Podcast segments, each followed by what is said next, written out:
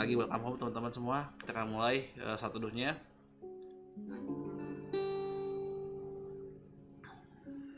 Ya Tuhan terus tuntun hidup kita ya.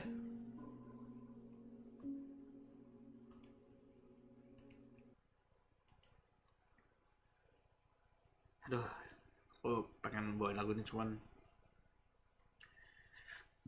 tahu kena copyright lagi. Ya nggak apa ya. God, God, God, God of creation.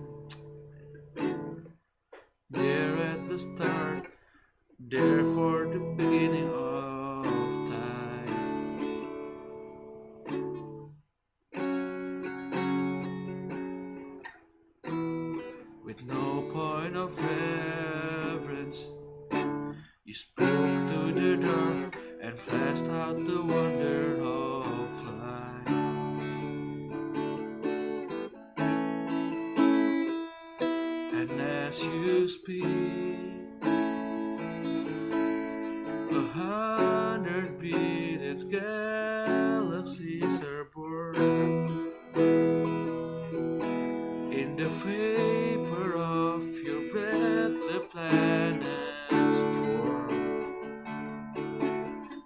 stars were made to worship, so will I.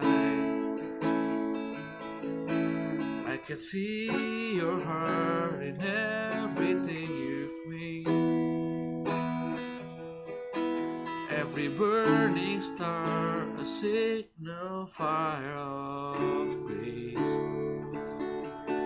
If creation sings your worship, so will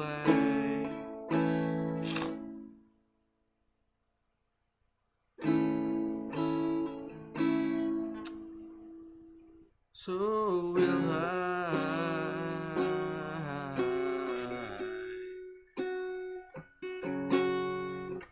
God of your promise, you don't speak in vain, no syllable empty your voice.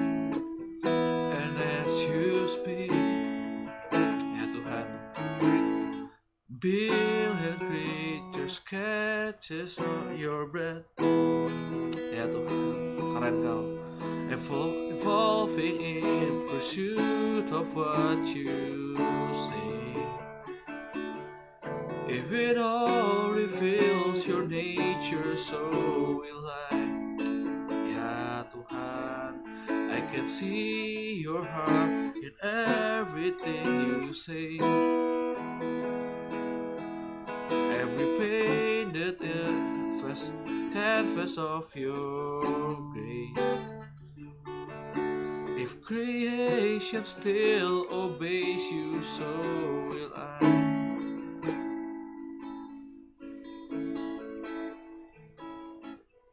And as you speak,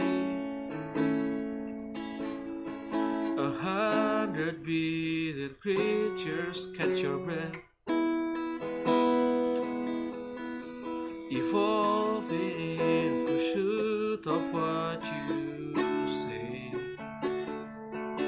If it all reveals your nature, so will I. Ah, I can see your heart in everything you say. Wow. Every painted sky, a canvas of your grace.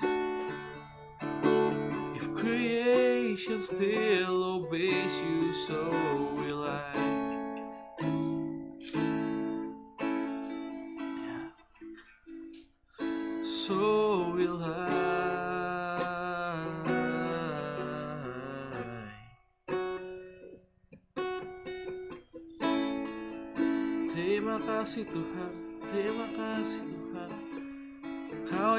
mengajarku untuk melihat perbuatanmu. Kau yang melihat, kau yang ajarku melihat segala hal yang baik dalam hidupku. Bahwa kau baik, tiada yang sepertimu untuk selamanya. Sungguh hanya kau satu di dalam hidupku. Terima kasih Tuhan. Terima kasih. Haleluya.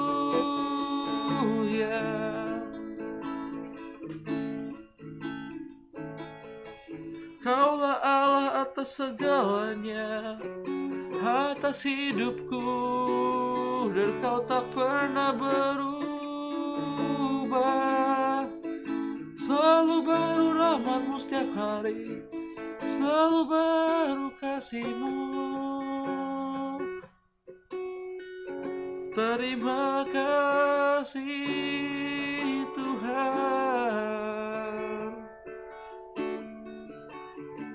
Haleluya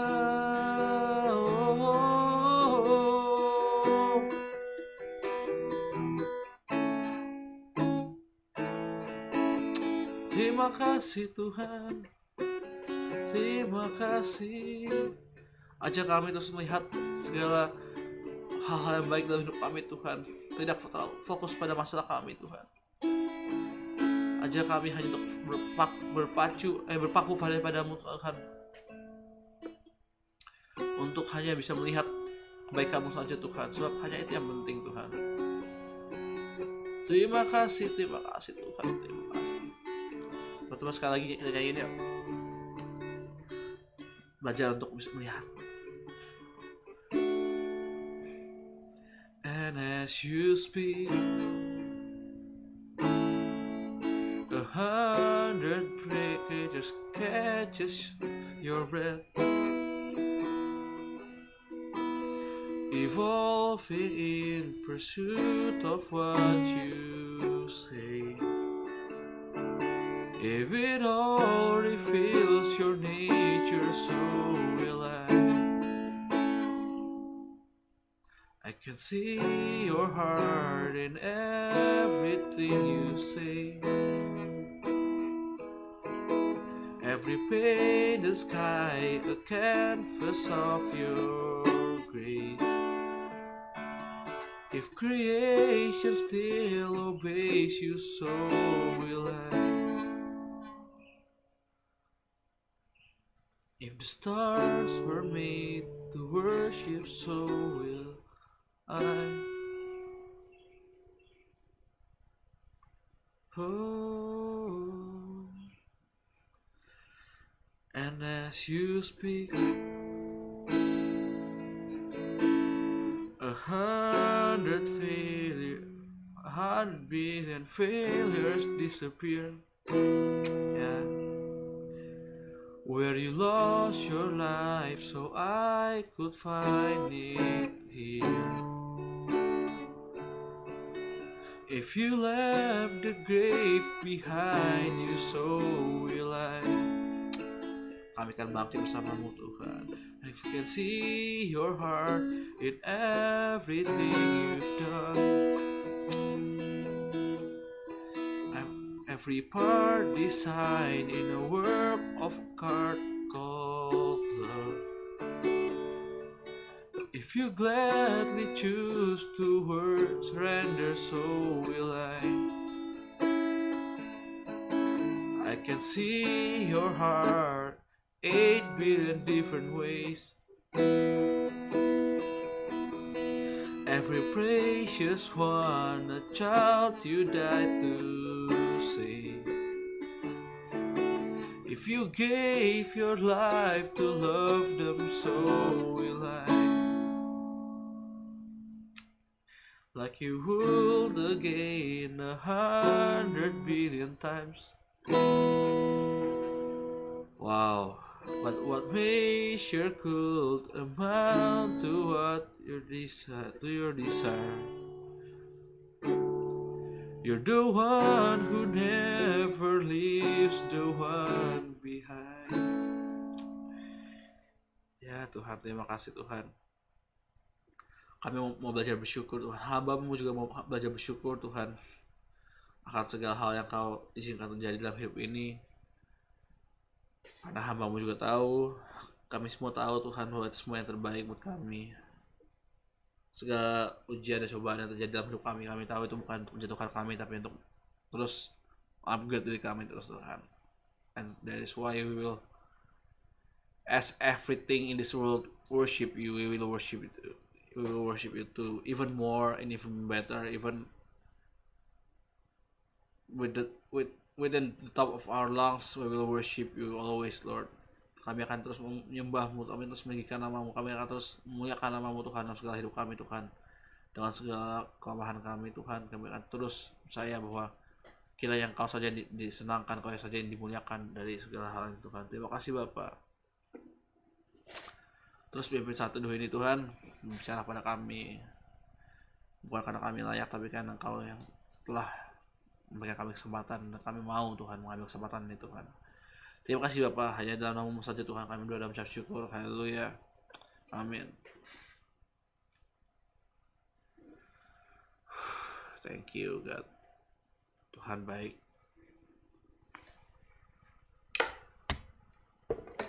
Tuhan baik ya sebentar kita dulu sebentar ya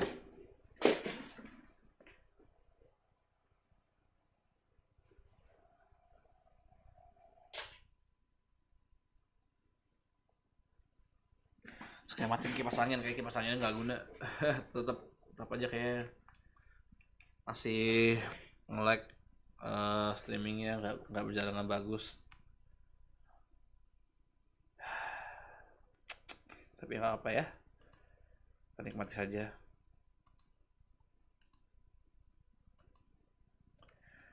Ya teman-teman yuk kita uh, akan akan belajar dari kisah Filemon kita eh, sorry kita kitab Filemon cuma satu pasal.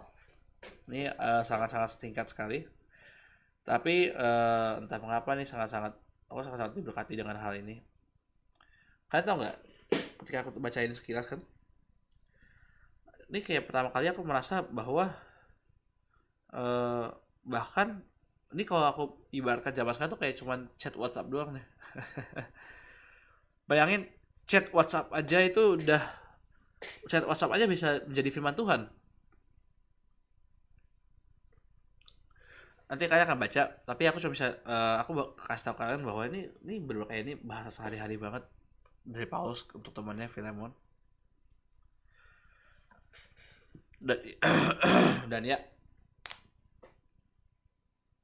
dengan hal dengan tulisan singkat ini pembicaraan singkat yang terkesan sebagai sebuah cuma kayak cek WhatsApp doang kayak e, bro apa kabar bro kayak gini, gini, gini itu bisa menjadi firman Tuhan dan aku percaya itu bisa menjadi makanya kenapa kita semua pun dalam hal-hal kecil yang kita lakukan dalam omongan omongan kita pasti itu bisa jadi firman Tuhan yang hidup gitu. jadi jangan takut untuk mencoba dan untuk memang mendeklarasikan bahwa kita ini mau menjadi hamba Tuhan gitu.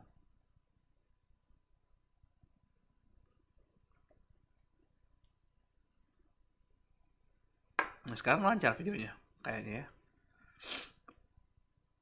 Ini adalah ya. Aku juga bingung. Aku udah sudah menyerah. Sampai nanti beli komputer baru aku mungkin baru akan kepikiran lagi untuk ketik lagi apa yang aku butuh lakuin karena aku udah nggak tahu lagi aku ngapa-ngapain lagi memori udah habis udah aku hapus semua udah kosong banget laptopku kok kosong banget sekarang jadi kalau yang Spotify mau tahu tuh intinya aku bermasalah dengan laptopku atau dengan internetnya aku nggak tahu nggak bisa bedain nggak tahu juga masalahnya kan di mana nggak tahu. Tapi yang pasti aku udah tahu memori kosong semua udah bersih semua lancar. Harusnya udah nggak ada masalah cuman ya kalau di YouTube masih patah-patah videonya aku menyerah apa apa apa adanya apa adanya ya apa daya apa dayaku dan apa adanya aku aku udah nggak bisa ngapa-ngapain lagi. Nah, ntar uh, ya doain mudah-mudahan dua minggu lagi aku bisa beli komputer ya. Alright so teman-teman ayo kita baca dari firman satu. Seperti aku bilang ini ini adalah surat WhatsApp chat WhatsApp Paulus ke ke Filemon karena ini sangat-sangat bahasa-bahasa sehari-hari banget dan aku belajar suatu hal banget tadi. Jadi ayo kita nggak lama-lama lagi kita baca ya. Firman satu. Ayat yang yang pertama tunggu bentar. sambil buka Alkitab deh bentar sorry. Aku belum siap. Kalau di siap sambil aku buka yang di Spotify kalau mau tahu tuh aku hari ini kesiangan. Jadi emang aku ada dadakan ada panik. Eh salah. Iya gitu. Jadi makanya agak kurang-kurang hari ini. Filemon 1 yang yang perikop pertama salam. Ayat 1 sampai 3 jadi dia dimulai dengan salam dulu. Dari Paulus seorang hukuman karena Kristus Yesus dan dari Timotius saudara kita. Kepada Filemon yang kekasih teman sekerja kami jadi ini kepada uh, teman pelayanan uh, Paulus ya. Ini bu jadi kayak ya orang-orang yang pernah pelayanan sama Paulus dan Paulus tuh jadi aku aku lihat Paulus tuh kayak emang benar-benar dia hebat sih. Dia uh, care sama semua orang yang bahkan dia juga nggak nggak meninggalkan satu orang pun gitu. Dia ingat sama semua orang. Terus dan kepada Apfia ayat kedua saudara perempuan kita dan kepada Akipus teman seperjuangan kita dan kepada jemaat di rumahmu kasih karunia dan damai sejahtera dari Allah Bapa kita dan dari Tuhan Yesus Kristus menyertai kamu. Very good ya. Kayak belajar ya. Jadi Paus tuh nggak nggak pernah nggak pernah ingat eh nggak pernah lupa dan Paus tuh selalu menjaga hubungan baiknya bahkan sampai sama orang-orang yang mungkin dia nggak tuh Paus nggak ngomong sama mereka tapi karena mereka berdekatan tolong sampaikan sekalian ya salamku ya kepada mereka ya karena aku apa karena aku juga rindu sama kalian apa kabar teman-temanku yang lama gitu Paus tuh sangat-sangat keren dah pokoknya deh Nah, masuklah ke perikop berikutnya ucapan syukur ayat 4 sampai 7. Aku mengucap syukur kepada Allahku setiap kali aku mengingat engkau dalam doaku. Karena aku mendengar tentang kasihmu kepada semua orang kudus dan tentang imanmu kepada Tuhan Yesus. Dan aku berdoa agar persekutuanmu di dalam iman turut mengerjakan pengetahuan akan yang baik di antara kita untuk Kristus. Dan kasihmu sudah keperoleh kegembiraan besar. Eh sorry dari kasihmu sudah keperoleh. Mana tadi? Kok hilang sih. Oke. Sudah keperoleh kegembiraan besar dan kekuatan sebab hati orang-orang kudus telah kau hiburkan saudaraku really good. Jadi uh, ada satu hal yang aku mau bilang nih. Kenapa kasih judul Basis of Love? Ntar ntar akan ada poinnya ada ada poin yang benar-benar menetikan itu menetik banget kan itu. Tapi satu hal gini. Aku pengen bagiin ke kalian dari kisah hidup Paulus dan bagaimana cara dia pelayanan. Itu dia selalu menggunakan kasih. Di atas segala otoritasnya dia di atas segala uh, karena karena gini di zaman itu dia tuh uh, kan rasul untuk orang-orang yang uh, non Yahudi orang-orang yang tidak bersunat. Jadi orang-orang asing lah yang mestinya ini. Dan dia orang pertama yang bisa menyelamatkan jiwa-jiwa mereka semua. Jadi dia tuh highly dia orang sangat tinggi banget lah. Kayak udah kayak imam imam besar pendeta besar yang paling besar gitu kita jangan manggil jangan manggil satu pun orang dari nama kita rabi sih jangan manggil satu pun dari nama kita guru. Karena nggak ada guru selain Allah. Tapi uh, ketahuilah kita tetap harus menghormati orang-orang yang melayani kita gitu. Termasuk Paulus. Paulus itu dia berhak banget untuk dilayani oleh semua orang. Karena dia tuh sangat-sangat sangat orang yang luar biasa. Dia sangat-sangat keren. Dan nggak cuma itu dia kalau kalian baca benar-benar dari kisah para rasul juga dia itu banyak melakukan mujizat juga. Jadi dia nggak cuma banyak ngomong doang nggak cuma bisa mengubahkan orang dari perkataan dia tapi dia juga melakukan banyak mujizat. Sebab kuasa Tuhan menyertai dia dan itu itulah jadi Tuhan buat kita gitu loh. Jangan kita cuma bisa merasa kayak yang penting adalah uh, apa yang nampak atau apa yang duniawi buat aku. Cara ngomong lah cara preaching cara apa tapi ketahuilah bahwa kuasa Tuhan juga menyertai makanya kenapa paus itu sangat-sangat luar biasa gitu. Tapi kita bisa belajar di sini. Karena landasan pelayanan paus adalah kasih makanya dia nggak pernah lupa dan gak pernah jemu-jemu untuk mendoakan orang-orang dia, dia bersama dia atau dia yang layani. Oke, ayat 4 bilang kan, aku mengucap syukur kepada Allahku setiap kali aku mengingat engkau dalam doaku. J titik dulu sebelum sampai ayat 5, sebelum sampai kita baca bahwa Paulus bilang, karena aku mendengar tentang kasihmu. Sebelum sampai situ, Paulus tuh cuman baru mengingat orang-orang doang aja dia udah mendoakan mereka. Berarti dia tuh tekun dalam kasih karena nggak ada orang satupun yang mendoakan orang atau yang uh, fokus sama orang. Cuman sekedar karena uh, dia merasa oh ya udah deh karena memang uh, apa uh, gue keinget dia gue doain dia. Enggak aku berani jamin kalian atau aku sendiri juga sama gitu. Kayak emang jarang banget kita doain orang kalau kita nggak benar-benar ada sesuatu yang keperluan untuk dia. Atau kita nggak ada hubungan sama dia.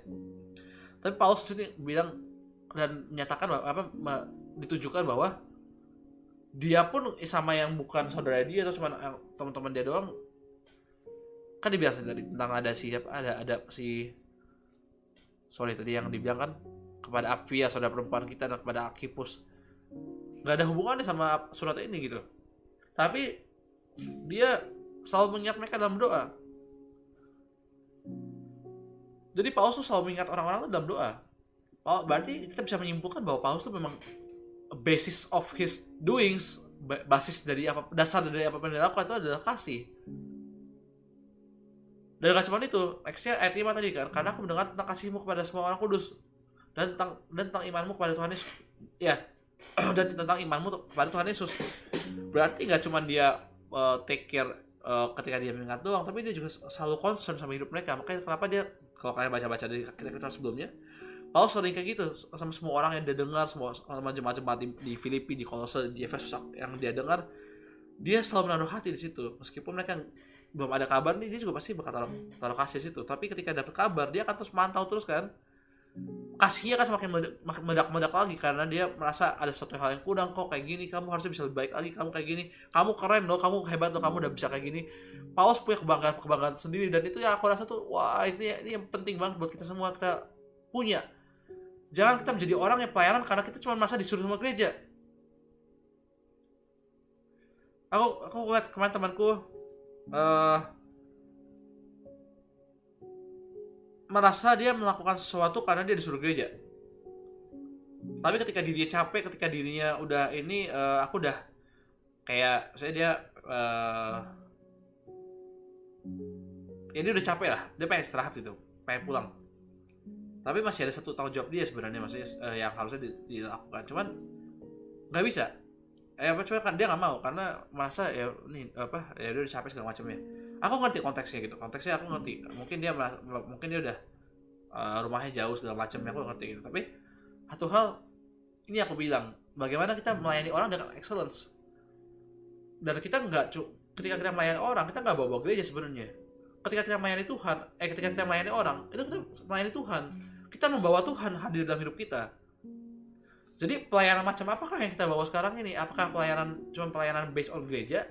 Based on tugas gereja based on uh, disuruh sama kakak rohani kita atau based on disuruh sama mentor kita atau kita melayani melayani orang jiwa-jiwa itu berdasarkan memang karena Tuhan yang menyuruh kita. Jangan-jangan kita selama ini hidup cuma karena disuruh-suruh doang. Kita nggak menaruh kasih dalam apa pun kita lakukan. Jangan-jangan ternyata masalahnya dari kita. Apakah kita sudah mengalami kasih itu dari Tuhan atau belum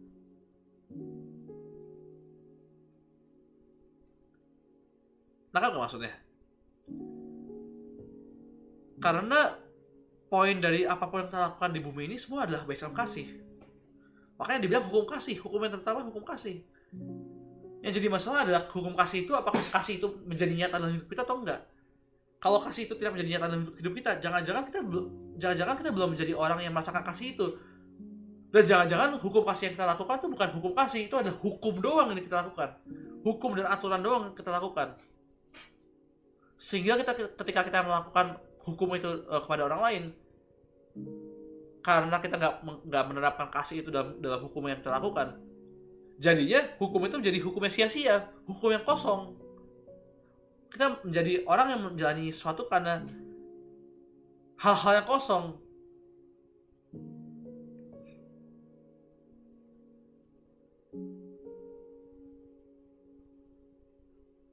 Ini ya ini aku belajar ini jadi aku merasa kayak aku teringat sih kayak ini yang aku alami juga gitu dulu.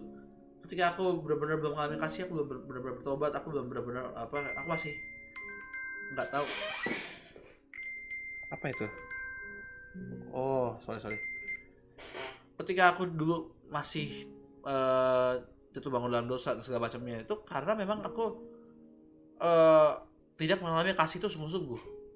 Aku tidak benar-benar mengalami kasih itu dalam hidup aku aku masih aku merasa aku tahu aku orang Kristen aku tahu aku harus uh, taat sama Tuhan aku harus tahu kayak gini gitu gitu, gitu aku tahu.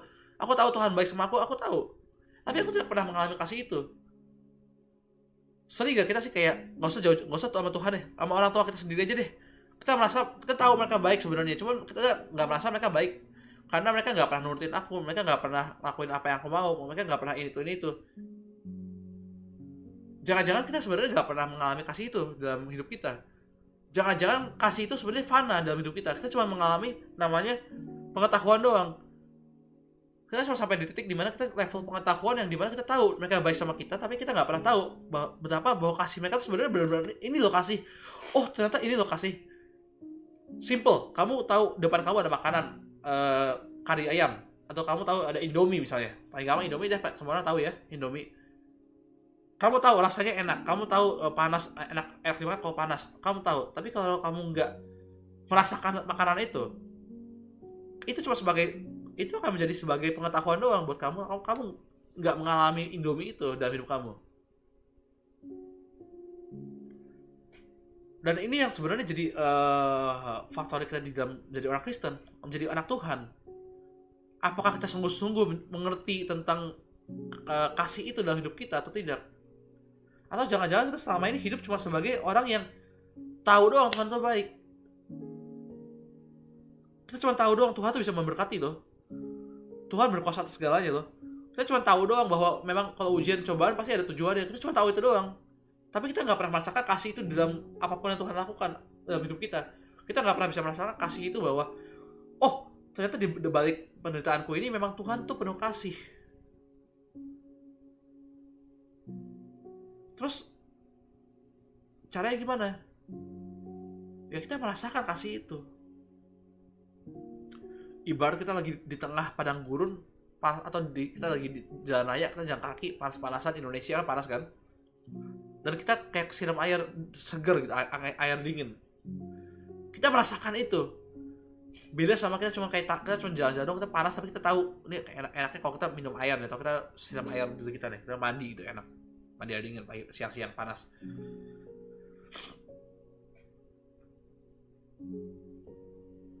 this is the basis of love pelayanan yang didasarkan pada kasih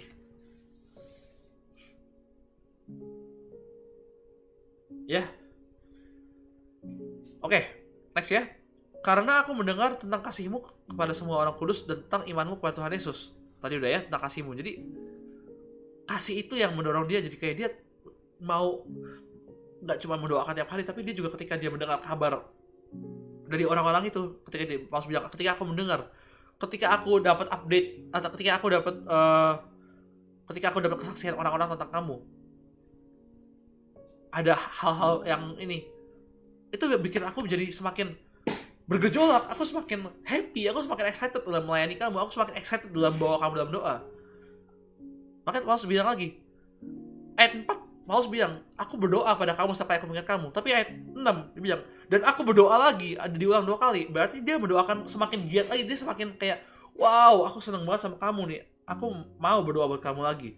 Aku mau semakin semakin uh, dalam lagi dalam doaku kepada kamu. Agar persekutuan kamu di dalam iman turut mengerjakan pengetahuan yang akan yang baik di antara kita untuk Kristus. Dari kasihmu yang sudah yang sudah kuperoleh kegembiraan besar dan kekuatan. So responnya beda gitu. Responnya adalah ada upgrade, something upgrade. Ketika kita tahu teman kita baik-baik aja, yes, oke, okay, wah, good for you bro, it's good for you. Kamu tahu uh, teman kamu baru apa namanya teman kamu baik-baik aja gitu dia ini, ini segala macam it's good for you bro it's good for you kita tepuk-tepuk punggungnya dia kan tapi ketika kita tahu dia dapat suatu berkat oh kamu baru beli uh, baju baru ya kamu baru beli anjing baru kamu baru beli uh, apa namanya kamu baru dapat uh, pekerjaan baru magang baru? Wah keren bro. Lu, lu keren banget. Lu wah gila weh. Gue gak nyangka lu bisa kayak gitu ya. Ada ada something upgrade. And you know what? Itu semua berdasarkan dari kasih kita terhadap dia. Beda sama orang yang nggak punya kasih kayak oh lu lu dapet anjing baru. Ya selamat ya. Kita cuma jadi orang yang ya udah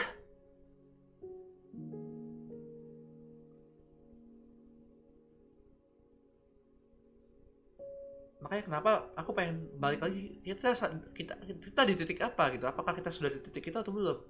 Atau jangan-jangan kita cuma di titik di mana? Ya udah kita nggak banyak kasih dalam alasan hidup kita. Kayak dia tujuh dibilang kan dari kasihmu itu sudah kau peroleh kegembiraan besar dan kekuatan. Sebab hati orang-orang kudus telah kau hiburkan saudaraku.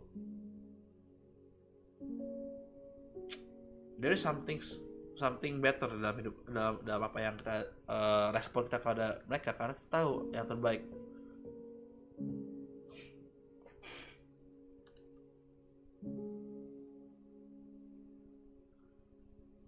Wah sepertinya aku baru sadar bahwa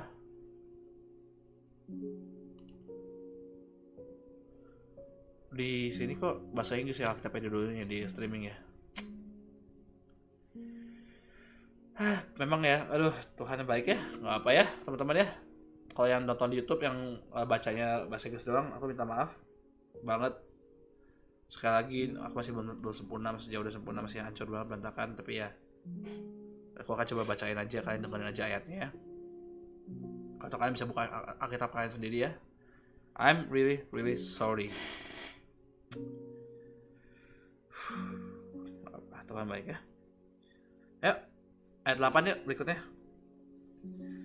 Nah, jadi karena kasih itu respon kita udah jelas berbeda, tapi nggak cuma respon ternyata. Paulus pengen nunjukin di sini uh, apa outputnya dia ke mereka pun juga berbeda akan jauh lebih berbeda lagi akan jadi berbeda lagi akan akan akan penuh dengan ada something different. Bahkan apa pun yang menjadi uh, tadi aku bilang dia dia punya otoriti tertinggi lah di situ kira-kira gitu pada zaman itu. Pasti di bawah Tuhan lah jauh lah. Cuman maksudnya dia saat sebagai satu yang dihormati dia punya otoriti yang cukup besar. Tapi dia pun juga apa masih butuh uh, permintaan tolong segala macam. Jadi uh, masih akan ada banyak hal yang kita lihat dari perspektif lain selain dari respon dia terhadap orang-orang itu secara pribadi tanpa paksaan, tanpa suruhan, tanpa uh, adanya embel-embel uh, something that he want from him. Aku aku berharap kamu kayak gini enggak. Ini tentang bagaimana respon dia terhadap mereka dulu. Kita bisa melihat dari situ. Tapi sekarang kita baca ayat, ayat 8 sampai seterusnya ya permintaan Paulus kepada Filemon mengenai Onesimus uh, perikopnya. Karena itu, sekalipun di dalam Kristus, aku mempunyai kebebasan penuh untuk memerintahkan kepada kamu apa yang harus engkau lakukan. Ini aku bilang tadi, ada authority yang besar sekali yang dia bisa lakukan. Karena memang dia, ya, yeah, he's, he's really, really, really, really big person. Tetapi, mengingat kasihmu itu, nah, ingat ya, tetapi mengingat kasihmu itu, lebih baik aku memintanya daripadamu. Ayat 9, eh kalau bahasa Inggrisnya, I would rather appeal to you on the basis of love. Bahasa Indonesia uh, rada aneh sih, tapi mengakasimu itu lebih baik aku minta daripadamu. Tapi kalau bahasa Inggrisnya, I would rather appeal to you on the basis of love.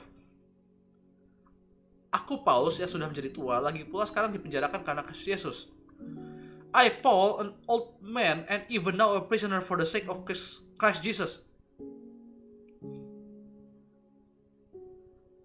Jadi dalam uh, apa namanya? Dalam Paulus itu uh, dia punya otoritas tapi dia tidak menggunakan otoritas itu dengan semena-mena nyuruh orang. Tetapi dia dia dia gini. Makanya outputnya dia berbeda. Outputnya dia ada he acts nicely cause he knows. Dia dia punya otoritas dari surga bahkan dia uh, salah satu gembala tertinggi lah situ. Tapi otoritas itu tidak tidak dia gunakan semena-mena tapi dia justru tetap mengembalikan seperti Tuhan mengembalikan kepada manusia. Would you come and do things for me my child? Kita lakukan di bumi ini kita tahu semua itu kita lakukan karena untuk Tuhan. Untuk Tuhan. Tapi bukankah itu semua baik lagi? Tuhan mengembalikan itu semua ke kita Tuhan tidak pernah memaksakan apa pun juga tapi Tuhan selalu mengembalikan kita. Kamu mau nggak anakku kalau kamu nggak mau nggak apa aku nggak paksa kamu. Kamu masih mau masih mau having fun di bumi ini it's okay. Bukankah itu terjadi dalam hidup kita? Tuhan tidak pernah maksa apa pun dalam hidup kita. Meskipun Tuhan punya otoritas paling tinggi dari segala hal di bumi ini bahkan. But this is applied to Paul too. Inilah yang terjadi sama Paulus juga bahwa Paulus pun tidak menggunakan otoritasnya dia. Dia belajar ya pastilah. He really really do what God do. Yaitu ketika dengan um, merasa punya otoritas segala sesuatu pun. Tapi dia tidak menggunakan apa pun itu juga untuk memaksa orang. Maka dia meminta dengan baik-baik. Dia meminta hey Philemon. Ini, ini untuk Philemon kan? Hey Philemon would you like to do this for me? Cause karena Paulus bilang, cause I'm old now, aku udah tua sekarang, aku dan aku di penjara gitu, oleh karena Kristus Yesus. Jadi aku cuma bisa minta tolong sama kamu doang, cause I can't do it myself anymore. Kalau aku bisa lakuin, aku pasti bakal lakuin sendiri. Kira-kira itu arti kata Paulus, apa bahasa Paulus? Kalau aku bisa, aku nggak bakal minta tolong kamu kok. Kamu tahu, dan Paulus berulang kali dalam ke kitab-kitab sebelumnya kita baca Paulus selalu bilang, aku nggak mau menjadi batu sandungan buat kamu, aku nggak mau menyusahkan kamu, aku justru mau malah berjuang buat kamu, malah apa yang aku bisa kasih, aku kasih gitu. He is, a very selfless person. He is a very Christ-centered person. Dia adalah orang sangat-sangat berpegang kepada Tuhan, tapi dia adalah orang dan dia juga adalah orang-orang yang jenis orang yang nggak peduli lagi dengan diri sendiri. Cause he knows hidupnya dia bukan tentang diri dia sendiri, makanya kasih itu nampak banget dalam hidupnya dia karena dia meng mengaplikasikan kasih itu dalam hidupnya dia. Makanya kenapa aku berulang kali ya karena kenapa uh, berulang kali ngomong tentang ini dan aku, kenapa aku kasih judul ini dan aku mau bahas tentang kasih itu. Karena inilah yang hilang dalam hidup kita sekarang teman-teman. Inilah yang sudah uh, tidak ada lagi dalam hidup kita. Kasih itu menjadi sirna dan menjadi sebuah eh dan kita mengikuti Tuhan atau kita menjalani peraturan atau kita menjalani hukum-hukum Tuhan sebagai sebuah peraturan doang. Kayak kita tahu uh, nyetir di jalan harus pakai seat belt atau pakai helm kalau pakai motor. Kita harus pelan-pelan kita nggak boleh nyelip kanan kiri kita kalau lampu merah berhenti. Kita melakukan itu semua hanya sebagai peraturan tapi kita tidak mengerti tujuannya apa.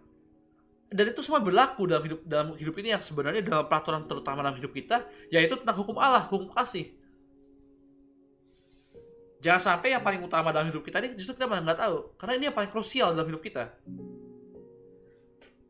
Ini yang paling penting dalam hidup kita. Ini yang paling paling urgent dalam hidup kita. Kasih itu apa kita mengerti atau tidak? Dan Paulus akhirnya bilang sini kan, aku mengajukan permintaan kepadamu mengenai anakku yang aku dapat selagi aku dalam penjara, yaitu Onesimus. Ketika dia di penjara, dia ketemu satu, uh, ini Onesimus. Kalau oke, okay, dahulu baca baca seterusnya ya biar biar kita ngerti konteksnya ya. Dahulu memang dia tidak berguna bagimu. Who was formerly useless to you. Berarti kita bisa lihat dia dia kenal nih si si Philemon kenal sama Onesimus. Tetapi sekarang sangat berguna baik bagimu maupun bagiku. Berarti Paulus bisa melihat bahwa atau Paulus mungkin sudah uh, mengajar dia atau Paulus sudah um, atau si sorry Onesimus tuh udah belajar di Paulus tentang dia ini dan dia berubah hidupnya dia. And so, di ayat 12 dibilang, dia kusuruh kembali kepadamu. Bahkan kalau bahasa Inggrisnya bagus banget. I have sent him who is my very heart. Wow. Ini ngajar kita gini. Ini ngajar aku kayak gini. Buat aku ya. Ketika kita uh, melayani orang dari kemarin kita udah bahas ketika kita melayani orang ketika kita dengan kasih kita pasti akan selalu uh, care sama hidupnya mereka. Nggak cuma sekedar pas kita melayani mereka tapi pas kita pas dalam kehidupan mereka sehari-hari kita care sama mereka. Tetapi nggak sampai di situ ketika orang itu mengalami kemajuan dalam rohani mereka mereka bertumbuh. Makanya tadi Paulus bilang kan, ketika tadi di awal aku bilang, ketika aku mendengar kabarmu kau kau berbuat kasih segala macam Paulus semakin bergembira akan dia. Dan ini sama persis sama ketika sama film sama Onesimus ini di penjara. Dia punya upgrade yang berlebih-lebih karena dia tahu. He is someone yang mau meresponi firman Tuhan dan sukacita dia semakin besar akan itu makanya kenapa ini yang dia bilang berkali-kali aku bilang selalu bilang berkali-kali satu jiwa diselamatkan seluruh surga bersorak-sorai dan inilah yang Paulus lihat dari Onesimus dan yang dia rasakan dan dia lakukan. Dia bersorak-sorai akan Onesimus karena Onesimus sangat-sangat luar biasa. He is being reborn. Dan dia sangat berapi-api akan Tuhan. It's okay Onesimus. Aku tahu banyak orang akan melihat engkau seperti ini. Banyak orang akan melihat engkau sampah.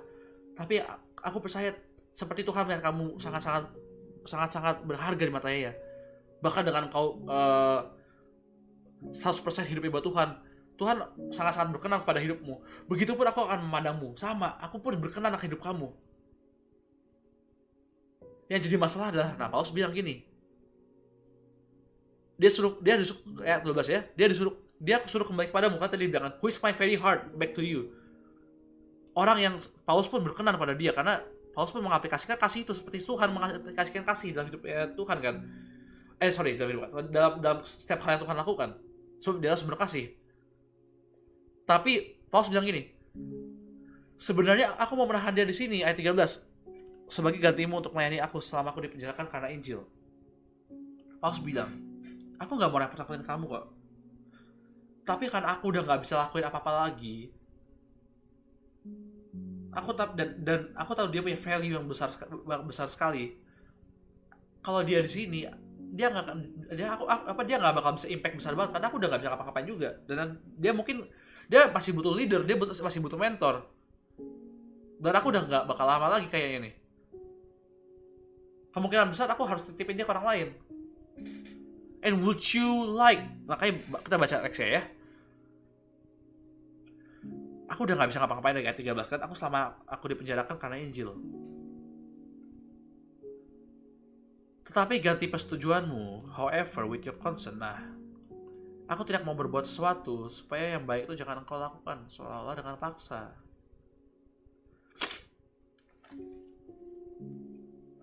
Melainkan dengan sukarela. Sebab mungkin karena itulah dia dipisahkan sejenak daripadamu. For perhaps it was for his this reason that he was separate from you for a little while. supaya engkau dapat menerimanya untuk selama-lamanya. Sebab mungkin karena itulah dia dipisahkan sejak daripadamu, supaya engkau dapat menerimanya untuk selama-lamanya. Bukan lagi sebagai hamba, melainkan lebih daripada hamba, yaitu sebagai saudara yang kekasih, kawanku. Hey, see, his, eh, see him as a different person. Jangan lihat dia sebagai orang yang sama lagi, karena dia udah berubah Melainkan lebih daripada hamba, yaitu sebagai saudara yang kekasih. Bagiku sudah demikian. Apalagi bagimu, baik secara manusia maupun dalam Tuhan. Tadi aku bilang ya, Paulus melihat orang tuh punya potensi dan apalagi gini, Paulus adalah orang yang sama sebenarnya. Paulus adalah orang yang pernah menjadi pernah menjadi pos, tempat apa orang yang di posisi dia adalah orang paling brengsek, paling sampah, paling gak berguna, paling paling gak layak untuk hidup di bu, muka bumi ini. Sorry, aku ngomong gini karena ada kasar, tapi karena aku juga hal, orang sama. Aku merasakan sama. Aku melihat diri aku sendiri. Aku aku Ricky. Aku merasakan hal yang sama. Aku ada orang paling hancur dan paling gak guna. Tetapi inilah yang membedakan. Orang-orang yang mengalami, mengalami dan merasakan kasih, responnya akan jauh berbeda ketika dia melihat orang lain diubahkan dan dia uh, apalagi dia tahu orang lain tuh gak ada yang gak layak orang lain tuh gak ada yang gak sempurna. Makanya kenapa ketika uh, Paulus dan aku sendiri sama mempraktikkan hal sama kita melihat orang lain yang uh, ada perubahan ada orang yang diubahkan ada orang yang bertobat kita melihat mereka bukan lagi sebagai seorang sampah. Kita bukan lagi melihat melihat mereka cuma sebagai seorang hamba atau sebagai seorang pengerja di dalam gereja doang atau sebagai seorang teman atau sebagai seorang ini dong tapi sebagai saudara inilah yang harus, harus kita praktekkan kita melihat sudut pandang kita akan berubah turut berubah sudut pandang kita terhadap orang lain akan berubah karena kita nggak lagi nggak lagi uh, melihat mereka sebagai seorang yang cuma bekerja doang dalam gereja atau kita nggak melihat lagi mereka sebagai seorang yang uh, ah ini orang berdosa atau ini orang yang nggak layak terima Tuhan. Hei, apakah kamu jangan jadi orang yang suka ngejudge by the way? Atau jangan-jangan kamu jadi seorang yang suka uh, mengucilkan orang karena kamu gak suka sama orang itu? Segampang itu kamu akan membuang orang karena kamu gak suka sama dia. Kamu gak mau bergaul sama dia karena kamu merasa dia gak cocok sama kamu. Hey guys, bukankah kita semua ini saudara dalam Tuhan? Mungkin memang kenyataannya susah kita mempraktekkan itu karena ada orang yang mungkin memang jahat sama kita, mungkin orang itu uh, berbuat hal yang aneh buat kita tapi bukankah kasih itu yang tadi aku bilang itu harusnya di-apply ke dalam hidup kita? Bukankah kasih itu yang menjadi harusnya hukum kasih yang terutama yaitu menjadi hukum atau fondasi kita yang paling utama? Nggak cuma hukumnya yang kita ambil, tapi kasih itu yang kita juga ambil harus. Karena karena tanpa hukum pun kasih itu sudah menjadi sempurna. Tuhan Tuhan adalah Allah sumber kasih tanpa hukum pun Tuhan udah melakukan kasih itu. Jadi, tanpa segala sesuatu Tuhan udah ini. Tapi kenapa dijadikan hukum? Karena buat manusia kita nggak bisa mengerti tentang hukum-hukum itu. Eh sorry kita nggak bisa mengerti tentang kasih itu secara sempurna. Kita butuh hukum juga yang yang menggait kita. Cara yang mempraktekkan kasih gini loh teman-teman. Cara mempraktekkan kasih gini loh kawan-kawan saudara-saudaraku. Anak-anakku ke Tuhan tuh anak-anakku. Dan bagaimana kita sendiri sekarang mengaplikasikan mereka semua how we perceive people. Nggak cuma kita tadi kalau kita tadi belajar tentang bagaimana kita mempraktekkan kasih itu di dalam pelayanan kita tapi sekarang kita mempraktekkan kasih itu dalam kita melihat mereka. Dalam kita karena ketika cara kita melihat orang itu akan mempraktekkan kita bagaimana kita berhubungan dengan dia. Cara kita melihat orang itu kita akan itu akan mempengaruhi bagaimana kita meresponi orang itu. Sesimpel kita ngomong sama dia aja kan akan berbeda orang yang kita anggap sebagai saudara dan orang yang kita anggap sebagai orang asing akan berbeda. Aku uh, ngomong sama teman-temanku yang aku tahu ini kayak gini. It's really different when I see when I talk to people ketika aku ngomong sama orang yang cuma sekedar orang asal lewat atau orang yang aku nggak kenal. Karena aku nggak punya keakraban sama dia, aku nggak tahu dia siapa. Tapi aku tahu dia saudaraku, makanya aku bisa responin dia sangat luar biasa bahkan kalau, kalau kata Tuhan jangankan saudara kamu orang-orang yang jahat pun orang-orang di luar Tuhan pun juga kamu harus responi hal yang demikian. Ya tetap intens ya, apa intensivitasnya berbeda sih. Memang kalau sama orang saudara kita seiman kita lebih baik lagi lebih akrab lagi. Tapi kalau sama orang ini ya mungkin kita nggak nggak seakrab itulah wajar lah. Tapi ya minimal kasih itu kita apply yang kita praktekkan. Dan Paulus bilang kalau engkau ayat 17 ya kalau engkau menganggap aku temanmu seiman, terimalah dia seperti aku sendiri. Dan kalau dia sudah merugikan engkau ataupun berhutang padamu, aku tahu dia mungkin berdosa sama engkau, mungkin dia uh, telah uh, melakukan segala, mungkin melakukan hal yang jahat sama engkau. Tapi aku Paulus, aku bisa menjamin dia. Tangguhkanlah semuanya itu kepadaku. Ini yang kita bisa baca satu hal dari Paulus nih. Eh, lanjut terus. Kita kelarin sini ya udah jam 6 nih. Aku Paulus menjaminnya dengan tulisan tanganku sendiri. Aku akan membayarnya ayat 19. I will repay it. I could also mention that you owe me your very self. Loh, loh, loh, loh, loh, loh. Katanya penuh kasih kok, tapi Paulus ada mengancam-mengancamnya. Loh, loh, loh. Kenapa nih? Ya saudaraku, semoga engkau berguna bagiku dalam Tuhan hiburkanlah hatiku dalam Kristus. Dengan percaya kepada ketaatanmu, kutuliskan ini kepadamu. Ayat 21 ya. Since I was confident that you would obey, I wrote to you because I knew that you will do even more than what I am asking you to do.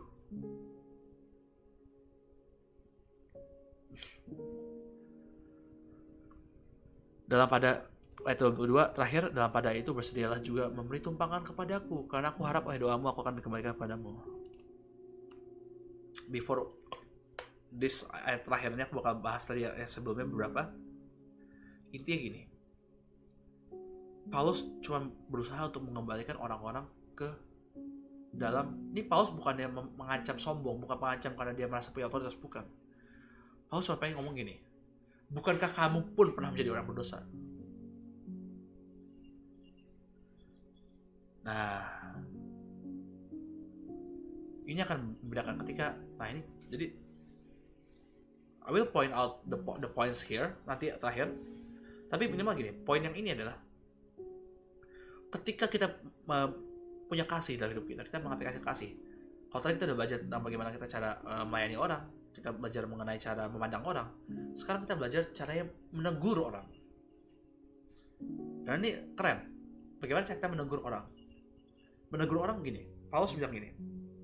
Dia bilang kan ayat 19 aku Paulus menjaminnya dengan tulisan tanganku sendiri. Tanggunganlah semuanya padamu eh pada apa? Uh, aku akan membayarnya agar jangan kau katakan tanggunganlah semua itu padamu karena engkau berhutang padaku yaitu dirimu sendiri. Paulus pengen ngajak ayolah you have sinned also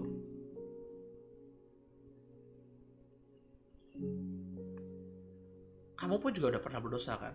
Bahkan kamu pun juga pernah merugikan aku. Kamu pernah membebani aku. Kamu pernah ngerepotin aku juga gitu. Kamu pernah nyusahin aku juga dalam hidup, dalam pelayanan dalam hidup kamu. Ketika aku melayani kamu.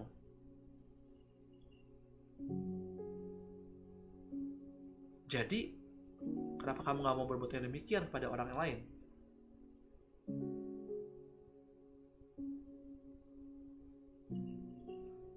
Paulus gak minta aneh-aneh, Paulus tuh gak, gak butuh aneh-aneh, guys.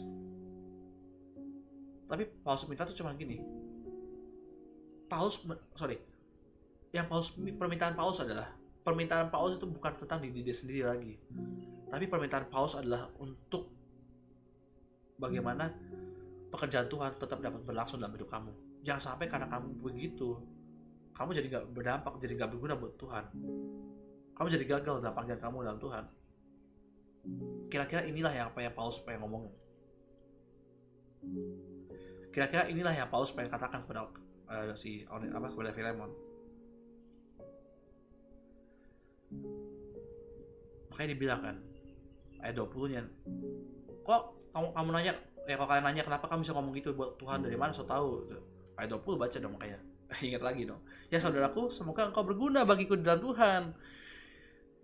Hello ayo ingat ini aku ini bukan buat aku by the way. Baik lagi ini bukan buat aku. Aku nggak pernah minta apa apa di bumi ini. Paulus selalu bilang gitu dari dari zamannya kitab Roma dari zaman kitab kisah para rasul kayak Roma sorry. Paulus selalu ngomong gitu aku nggak pernah mau ngebebani kamu guys. But this is all for God's work. Ya saudaraku semoga engkau berguna bagiku di dalam Tuhan. Hiburkanlah hatiku di dalam Kristus. Ya teman-temanku ya. Do it. Not for me but for God. Memang kau berbuat seolah-olah aku yang menyuruh kamu, tapi ketahuilah bukan aku yang menyuruh kamu, tapi dalam Tuhan, Tuhan yang menyuruh kamu. Dan Paulus bilang gini, kayak ah ayat 21 baru dibilang gini, kalau kamu udah ngejalan itu, I'm really happy for you. Karena kamu pun akan menjalani hal yang demikian.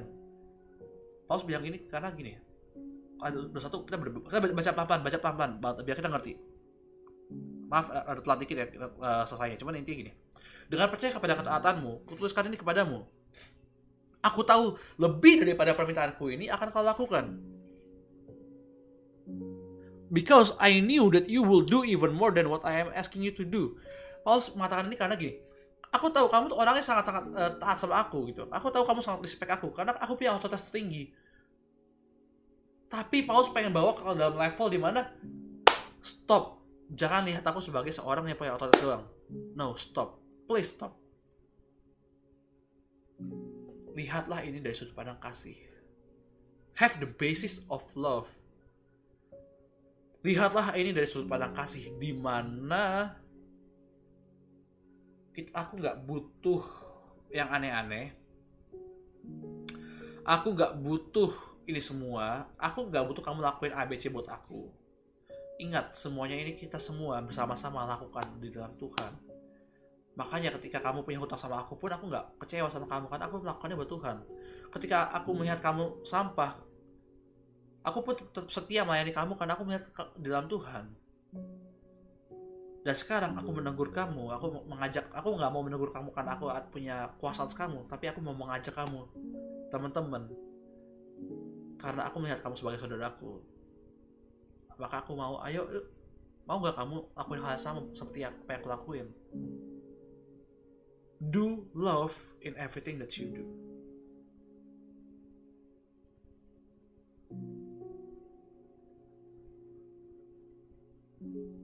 Dan dan Paulus bilang dalam pada itu bersedialah juga memberi tumpangan kepadaku. Ayat 22 at the same time also prepare a place for me to stay for I hope that through your prayers I will be given back to you karena aku harap oleh doamu aku akan kembalikan kepadamu di sini Paulus cuma bilang gini ini Paulus kayak bilang I would like to thanks I would like to thank you in advance uh, I would like to thank you later. Aku mau aku mau berterima kasih kepada kamu secara langsung sebenarnya. Aku mau aku mau banget kembali kepada kamu. I really know that you that uh, ini segala macam apa that you really really uh, miss me in that way karena kamu tahu aku berdampak banget buat hidup kamu. Ya, kamu siapin dulu aja ya tempatnya ya. Aku akan akan usahain ke sana gitu. Meskipun dengan apa kondisiku yang sangat-sangat lagi, lagi mustahil ini, tapi aku akan tetap usahain. Aku akan coba sebisa mungkin.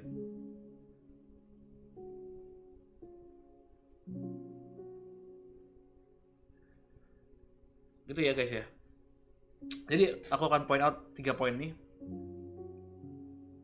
ini baca banget tentang basis of love. Satu dasar kasih dalam dalam kita melayani orang.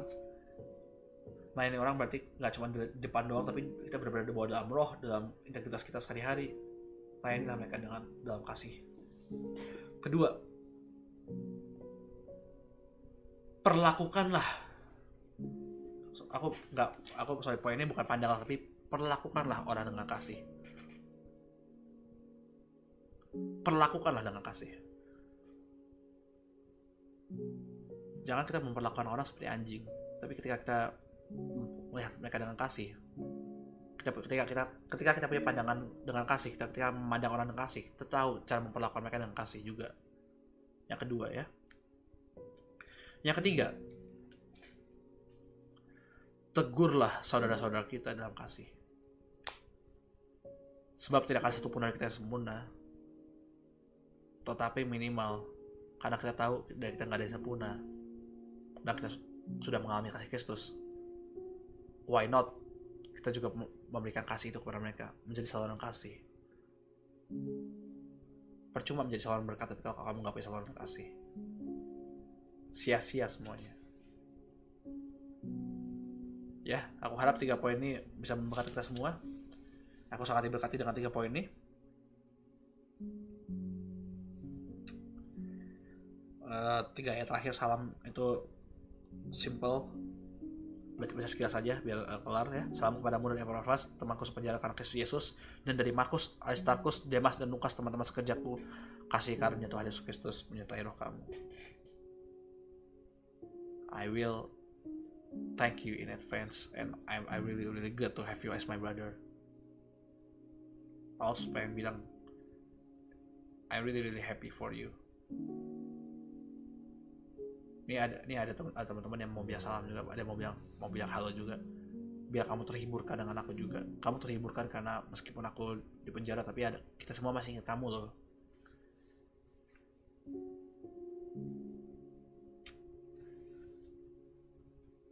inilah hubungan kita dalam kasih kayak gini hubungan kita dengan saudara-saudara kita dengan kasih kayak gini ya teman-teman ya. This is very very good. Cuma satu pasal ayat ini kitab ini tapi this is really really being a blessing for me. This is really deep and this is really really good for me. And I think this is the very very basis of love. The basis of life. Nggak cuma love sorry. This is the basis of life. So teman-teman udah jam 6 lewat aku uh, mungkin langsung tutup doa-doa aja. Tapi sekali lagi aku cuma mau bilang sama kita semua apa yang kita pelajari hari ini ini sangat sangat bagus. Aku sendiri sangat sangat bagus buat aku. Ayo kita praktekkan ini dalam hidup kita sehari-hari sungguh-sungguh kita praktekkan. This basis of love.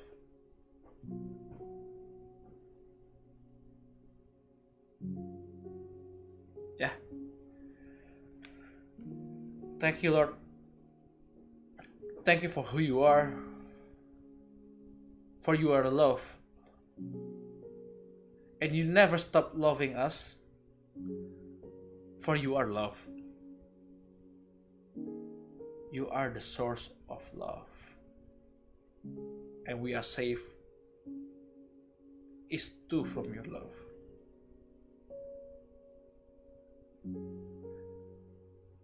Thank you Tuhan, thank you Bapa di sorga. Thank you Roh Kudus. thank you ya. Thank you banget. I can see you nagging. thank you.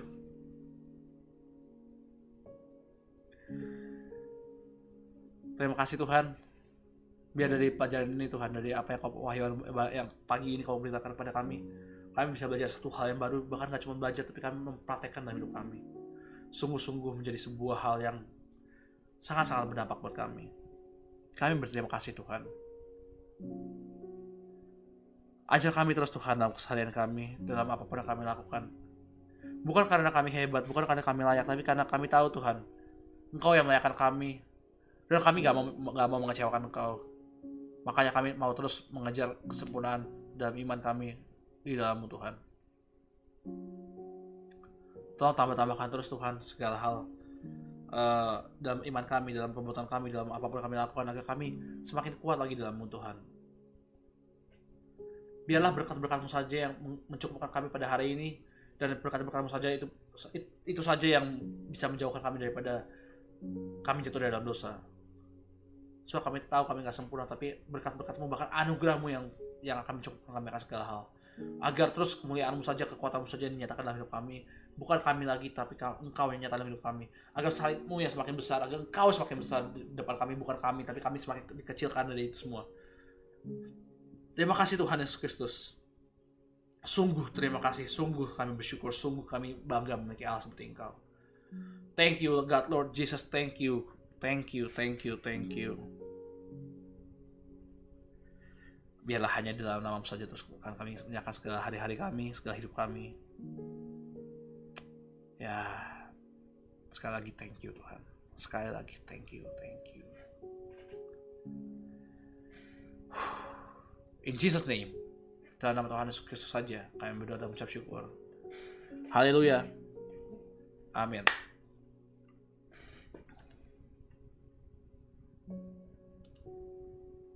Wow